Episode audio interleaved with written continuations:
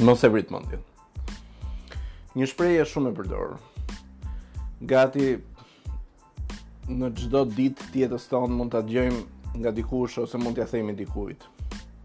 Është në formë një dëshire, një urimi, një urdhëri që mund të shkëmbejmë me njëri tjetrin, mes shokësh, mes miqsh.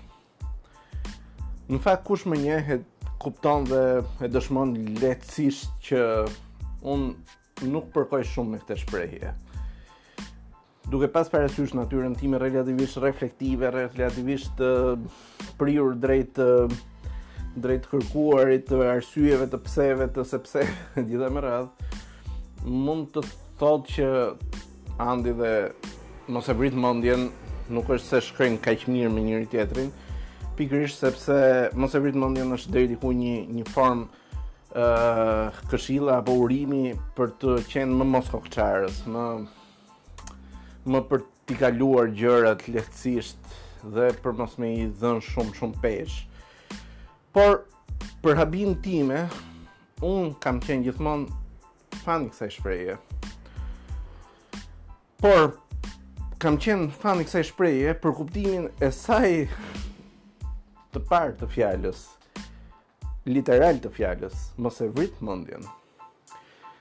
Kam pas gjithmonë një ide që nuk besoj është shumë origjinale dhe vetëm e imja, që diçka e vrarë nuk i vlen askujt. Nëse ti e vret diçka, ka mbaruar aty. Ë uh, për këtë arsye kam qenë shumë i prirur ta thoja edhe unë shprehjen mos e vrit mendjen. Por jo në kontekstin e një moskokëçarje, e një menefregizmi, e një mosgërmuari mandej, e një moshetimi të të, të shkaqeve të pasojave etj etj. Por pikërisht në kuptimin literal, siç thashë, të mos e vrasësh mendjen. Nuk mendoj se ka një gjë pozitive në në, në vrarjen e mendjes. Kam qenë gjithmonë nga ana tjetër fan i thekur i një shprehje të përafërt. Lodhe mendjen. Kjo më bënte në një farë mënyrë edhe të isha shumë i prirur të isha kundër vrarjes mendjes dhe për pasojë të isha i prirur të thoja mos e vrit mendjen. Lodhe. Pra, ka një antidot, ka një ka një zgjidhje. Me të vërtetë ti mund të këshillosh, mund të dëshirosh, mund të urdhërosh dikë që mos e vrasi mendjen, por duhet t'i japësh dhe kundrapartin, duhet t'i japësh dhe alternativën. Pse nuk duhet ta vrasi mendjen? Sepse duhet ta lodhi. Nuk ka nevojë ta vrasi. E pra, nëse neve hecim me termin mos e vrit mendjen, nuk mendoj se bëjmë gabim. Por, nga ana tjetër, nuk mundet të mos e shoqërojmë me këshillën e cila ndjek menjëherë frazën mos e vrit mendjen. Sepse nëse do ta lejmë frazën aty ku është, vetëm me atë fjali, Pra, vetëm mos e vrit mendjen dhe pikë dhe asgjë tjetër, atëherë kemi rënë në një grackë 10 fish, 100 fish më të madhe se sa gracka e vrarjes mendjes. E shqetësimit që mund të na vijë nga vrarja e mendjes. Kemi rënë në grackën e neutralizimit të mendjes, e fikjes së trurit. Një grackë që, me thënë të drejtën, me shpresën që të mos ngjaj paranojak në në logjikë dhe në sytë dhe veshët e kërkujt. Por vrarja e mendjes është gati gati një mision që sot vihet re tek Një klasë e caktuar ke një ke një mendësi e caktuar. Sot vihet re një tendencë jo e vogël për të vrarë mendjet, për t'i lënë mendjet shterp, për t'i niveluar, për t'i djerruar, për t'i lënë mundësisht me minimumin e minimumit të kapacitetit tyre, në mënyrë që Cilido ka mundësi dhe ka dëshirë të bëjë diçka e cila mund të influencojë mandej jetët e shumë shumë shumë mijëra miliona personave, të mund të jetë i lirë ta bëjë, sepse përballë një një grupi personash, të cilët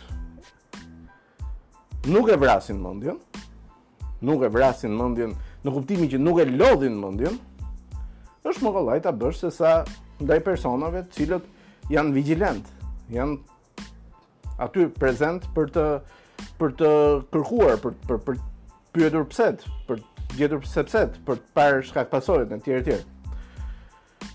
Pra, jemi përpara një situate shumë ekstreme, ku po luftohet nga gjitha anët, nga arsimi, shembull dhe dëshmi e gjallë e kësaj është Shqipëria, që gjendet sot në pikun e vet më të ulët sa i përket nivelit arsimor. Nuk mendoj ditë më të zezë ky vend ka parë, duke fillu nga një përfaqësues që është ministri i arsimit, që është për mendimin tim fundi i fundit në përfaqësimin e një pike kaq kruciale për ekzistencën e një kombi, për ekzistencën e vetë njerëzve që popullojnë atë komb, atë vend, atë shtet, siç është ministrja apo ministri i sotëm i arsimit, ku nuk do nguroja të bëja paralelen me ish ministrin e shumë përfolur të dikurshëm të shëndetësisë zotin Nard Ndoka, që krahasuar me dëmet, me kapacitetin e mangët, apo dëshirushëm të mangët që shfaq ministri i sotëm i arsimit, janë të pakrahasushme ndoshta ato dëme apo atë keqpërfaqësim që shëndetësisë i bëri dje Nard Ndoka që sot ka mbetur si një emblemë e një forme keq qeverisje e një forme keq përfaqësimi. Mendoj se një ministër arsimi si ky që kemi sot, i cili me rezultatin e vet dëshmoi një nivel mizerabël të të të të arsimit në vend ku vetëm 4 apo 5 apo 10 persona nga mijëra student nxënës që morën pjesë në maturën shtetërore vetëm 4, 5, 10 persona arritën të vlerësoheshin me notën 10. Dhe ky person që sot quhet ministër arsimi, që unë nuk e di se ç'titull ka për t'u qujt i tillë. Unë nuk do pranoja në asnjë mënyrë, në asnjë moment, në asnjë sekond të merrja postin e ministrit të arsimit nëse dikush do ma ofronte, nuk besoj kush, kërkush do ma ofronte, por nëse do ndodhte kurrë nuk më do e merrja përsipër. Marrësh postin e ministrit të arsimit do të thotë që ti minimalisht ke arritur vetë majat akademike, ke arrit vetë ke bërë një një rrugtim goxha kompleks. Ke kaluar përmes gradave reale.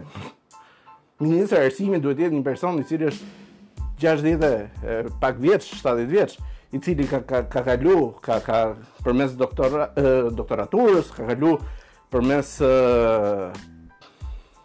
titujve të tjerë, asistent profesor, profesor etj etj. Pra di dhe minimalisht sikur të mos marri përsipër të shfletojë asnjë nga metodat e reja të të bërit ministër, por të riprodhojë eksperiencën e tij në gjithë rrugëtimin në botën akademike, absolutisht rezultatet që ai do implementonte dhe që do të prodhonte në sistemin arsimor do ishin 1000 herë, 10000 herë më të mira se sa një ministër arsimi që nuk ka kalu përmes asnjë nga këto procese të cilat janë janë eksperienca, janë përvoja, janë kalvare të jetës së gjithë secilit. Por zonja nuk e ka për gjë këtë. Zonja rri ministre, del, qesh, zgërdhihet, mm, ka, ka, ka, ka një mimikë që, që, që shkon gati në ekstremet e, e një sjelljeje normale dhe decente, jo më ministrore, po është Është edhe edhe sikur të ishte një eksponent më se i i, i rëndomtë një një kategorie të mesme menaxhimi do do ishte një çik i dyshimtë sepse ka një lloj qasje aproçi me buzëqeshje të stampuar sikur është një agjent shitje. Pra kur ti ke një ministër të tillë arsimi, i cili e ka katandis arsimin në një nivel të trishtë, siç është katandis sot, dhe nuk e ka për gjë këtë gjë, përkundrazi. Nuk e merr minimalisht mundimin të të të të ta pyesi veten ore çfarë çfarë jam duke bërë unë me këtë me këtë gjë që më është lënë në dorë. A jam unë e zonja ta bëj këtë gjë? A mos ndoshta ka ardhur momenti që atë gabim që bëra dje kur e pranova pozicionin ta çbëj sot duke hequr dorë nga ky pozicion? Atëherë kur ti gjendesh përpara këtyre personave, kupton që ky është një mision, mbase. Ky është një mision që të vesh persona të tillë, të cilët janë totalisht pandërgjegjshëm për çfarë përfaqësojnë, për çfarë janë, për çfarë duhet të ishin dhe që nuk janë, dhe të cilët me një menefregizëm total vazhdojnë në budallikun e vet. vazhdojnë, prodhojnë një gjeneratë, dy gjenerata, tre gjenerata studentësh, nxënësish nën mesataren jo europiane, ballkanike. Shqipëria sot gjendet përpara një situate që nuk është e zonja në asgjë. Nuk është e para në asgjë. Nuk është e para në shkencë, nuk është e para në kulturë, nuk është e para në art, nuk është e para në informatikë, në teknologji. Raportet e fundit na nxorën vendi i fundit në Ballkan për sa i përket teknologjisë. Pra, jemi totalisht pazot për të prodhuar asgjë. Nuk e di se nga na buron kjo krenari kaq e madhe, apo kjo tendencë për të thënë që se ne jemi, ne përfaqësojmë, ne, ne kemi shkruar historinë e botës në në, në ilirisht, në shqip, në pellazgisht të shkruar kur ti sot je një popullsi 2.8 milion të dhënat e Istatit janar 2022, duke llogarit një 300 që do ketë ikur rrugës, je 2.5 milion dhe me këtë 2.5 milion ti sot Je totalisht i paaftë të bësh çfarëdolloj gjëje sepse në gjithë statistikat që prodhon je i fundit. E vetmja statistikë që ne prodhojmë dhe na sheh në vendet e para, përjashtuar këtu atleten Luiza Gega,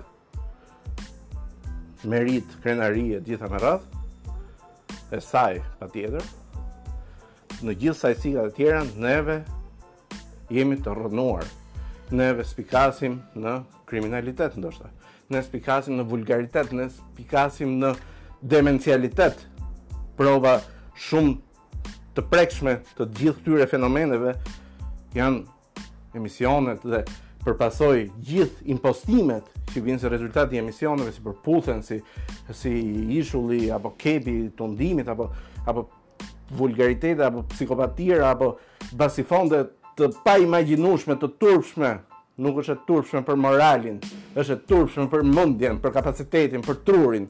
Jemi katandis në njerëz që përfaqësohemi vetëm nga ca meshkuj që veç tatuazhe mund të kenë në trup dhe ca femra që vetëm të rrinë të zhveshura dinë një modë e cila është shpërndarë me një zell të frikshëm nga një media kombëtare, nga një media shumë e ndjekur, e cila ka degradu çdo lloj vizioni, çdo lloj logjike e cila ndiqet nga të rinjtë dhe që të rinjtë detyrimisht shohin dhe ndjekin këtë model dhe mendojnë se ky është modeli për t'u ndjek dhe jemi katandisur gazi i botës. Jemi katandis tallavaja e botës. Dhe ishte shumë e bukur kur kjo media kohë përpara mori në intervistë profesor Tupen dhe i tha që Si të ngremë lart vlerat e Shqipes, pse Shqipja dhe Shqipja nuk përdoret në media, dhe ai me ndershmërinë intelektuale që ka shumë të vlerësueshme, arriti t'i kthente një përgjigje për pyetjen që i bënë, dhe ndër rreshta u detyrua ta nxirrte nga goja dhe thoshte për shembull vetë kanali juaj tha nuk ka pse të quhet i tillë Me top tha, por mund të quhet më i miri. Maja nuk ka pse quhet top. Sepse topi për çudinë e Shqipërisë, shqiptarëve dhe gjithë botës bën emisione për nevojën e përdorimit të shqipes në media dhe bën moral pse shqipja nuk përdoret në media. Dhe profesori i nderum u gjënd përpara këtij momenti jo pak sikletshëm. Nëse neve do gjëndemi në këte realitet si Shqipëri, neve nuk mund të konstatojmë dhe të konkludojmë veçse që këtu po ka një tendencë të frikshme për të vrarë mëndjen. Për të vrarë mëndjen, për ta bërë mëndjen rrafsh.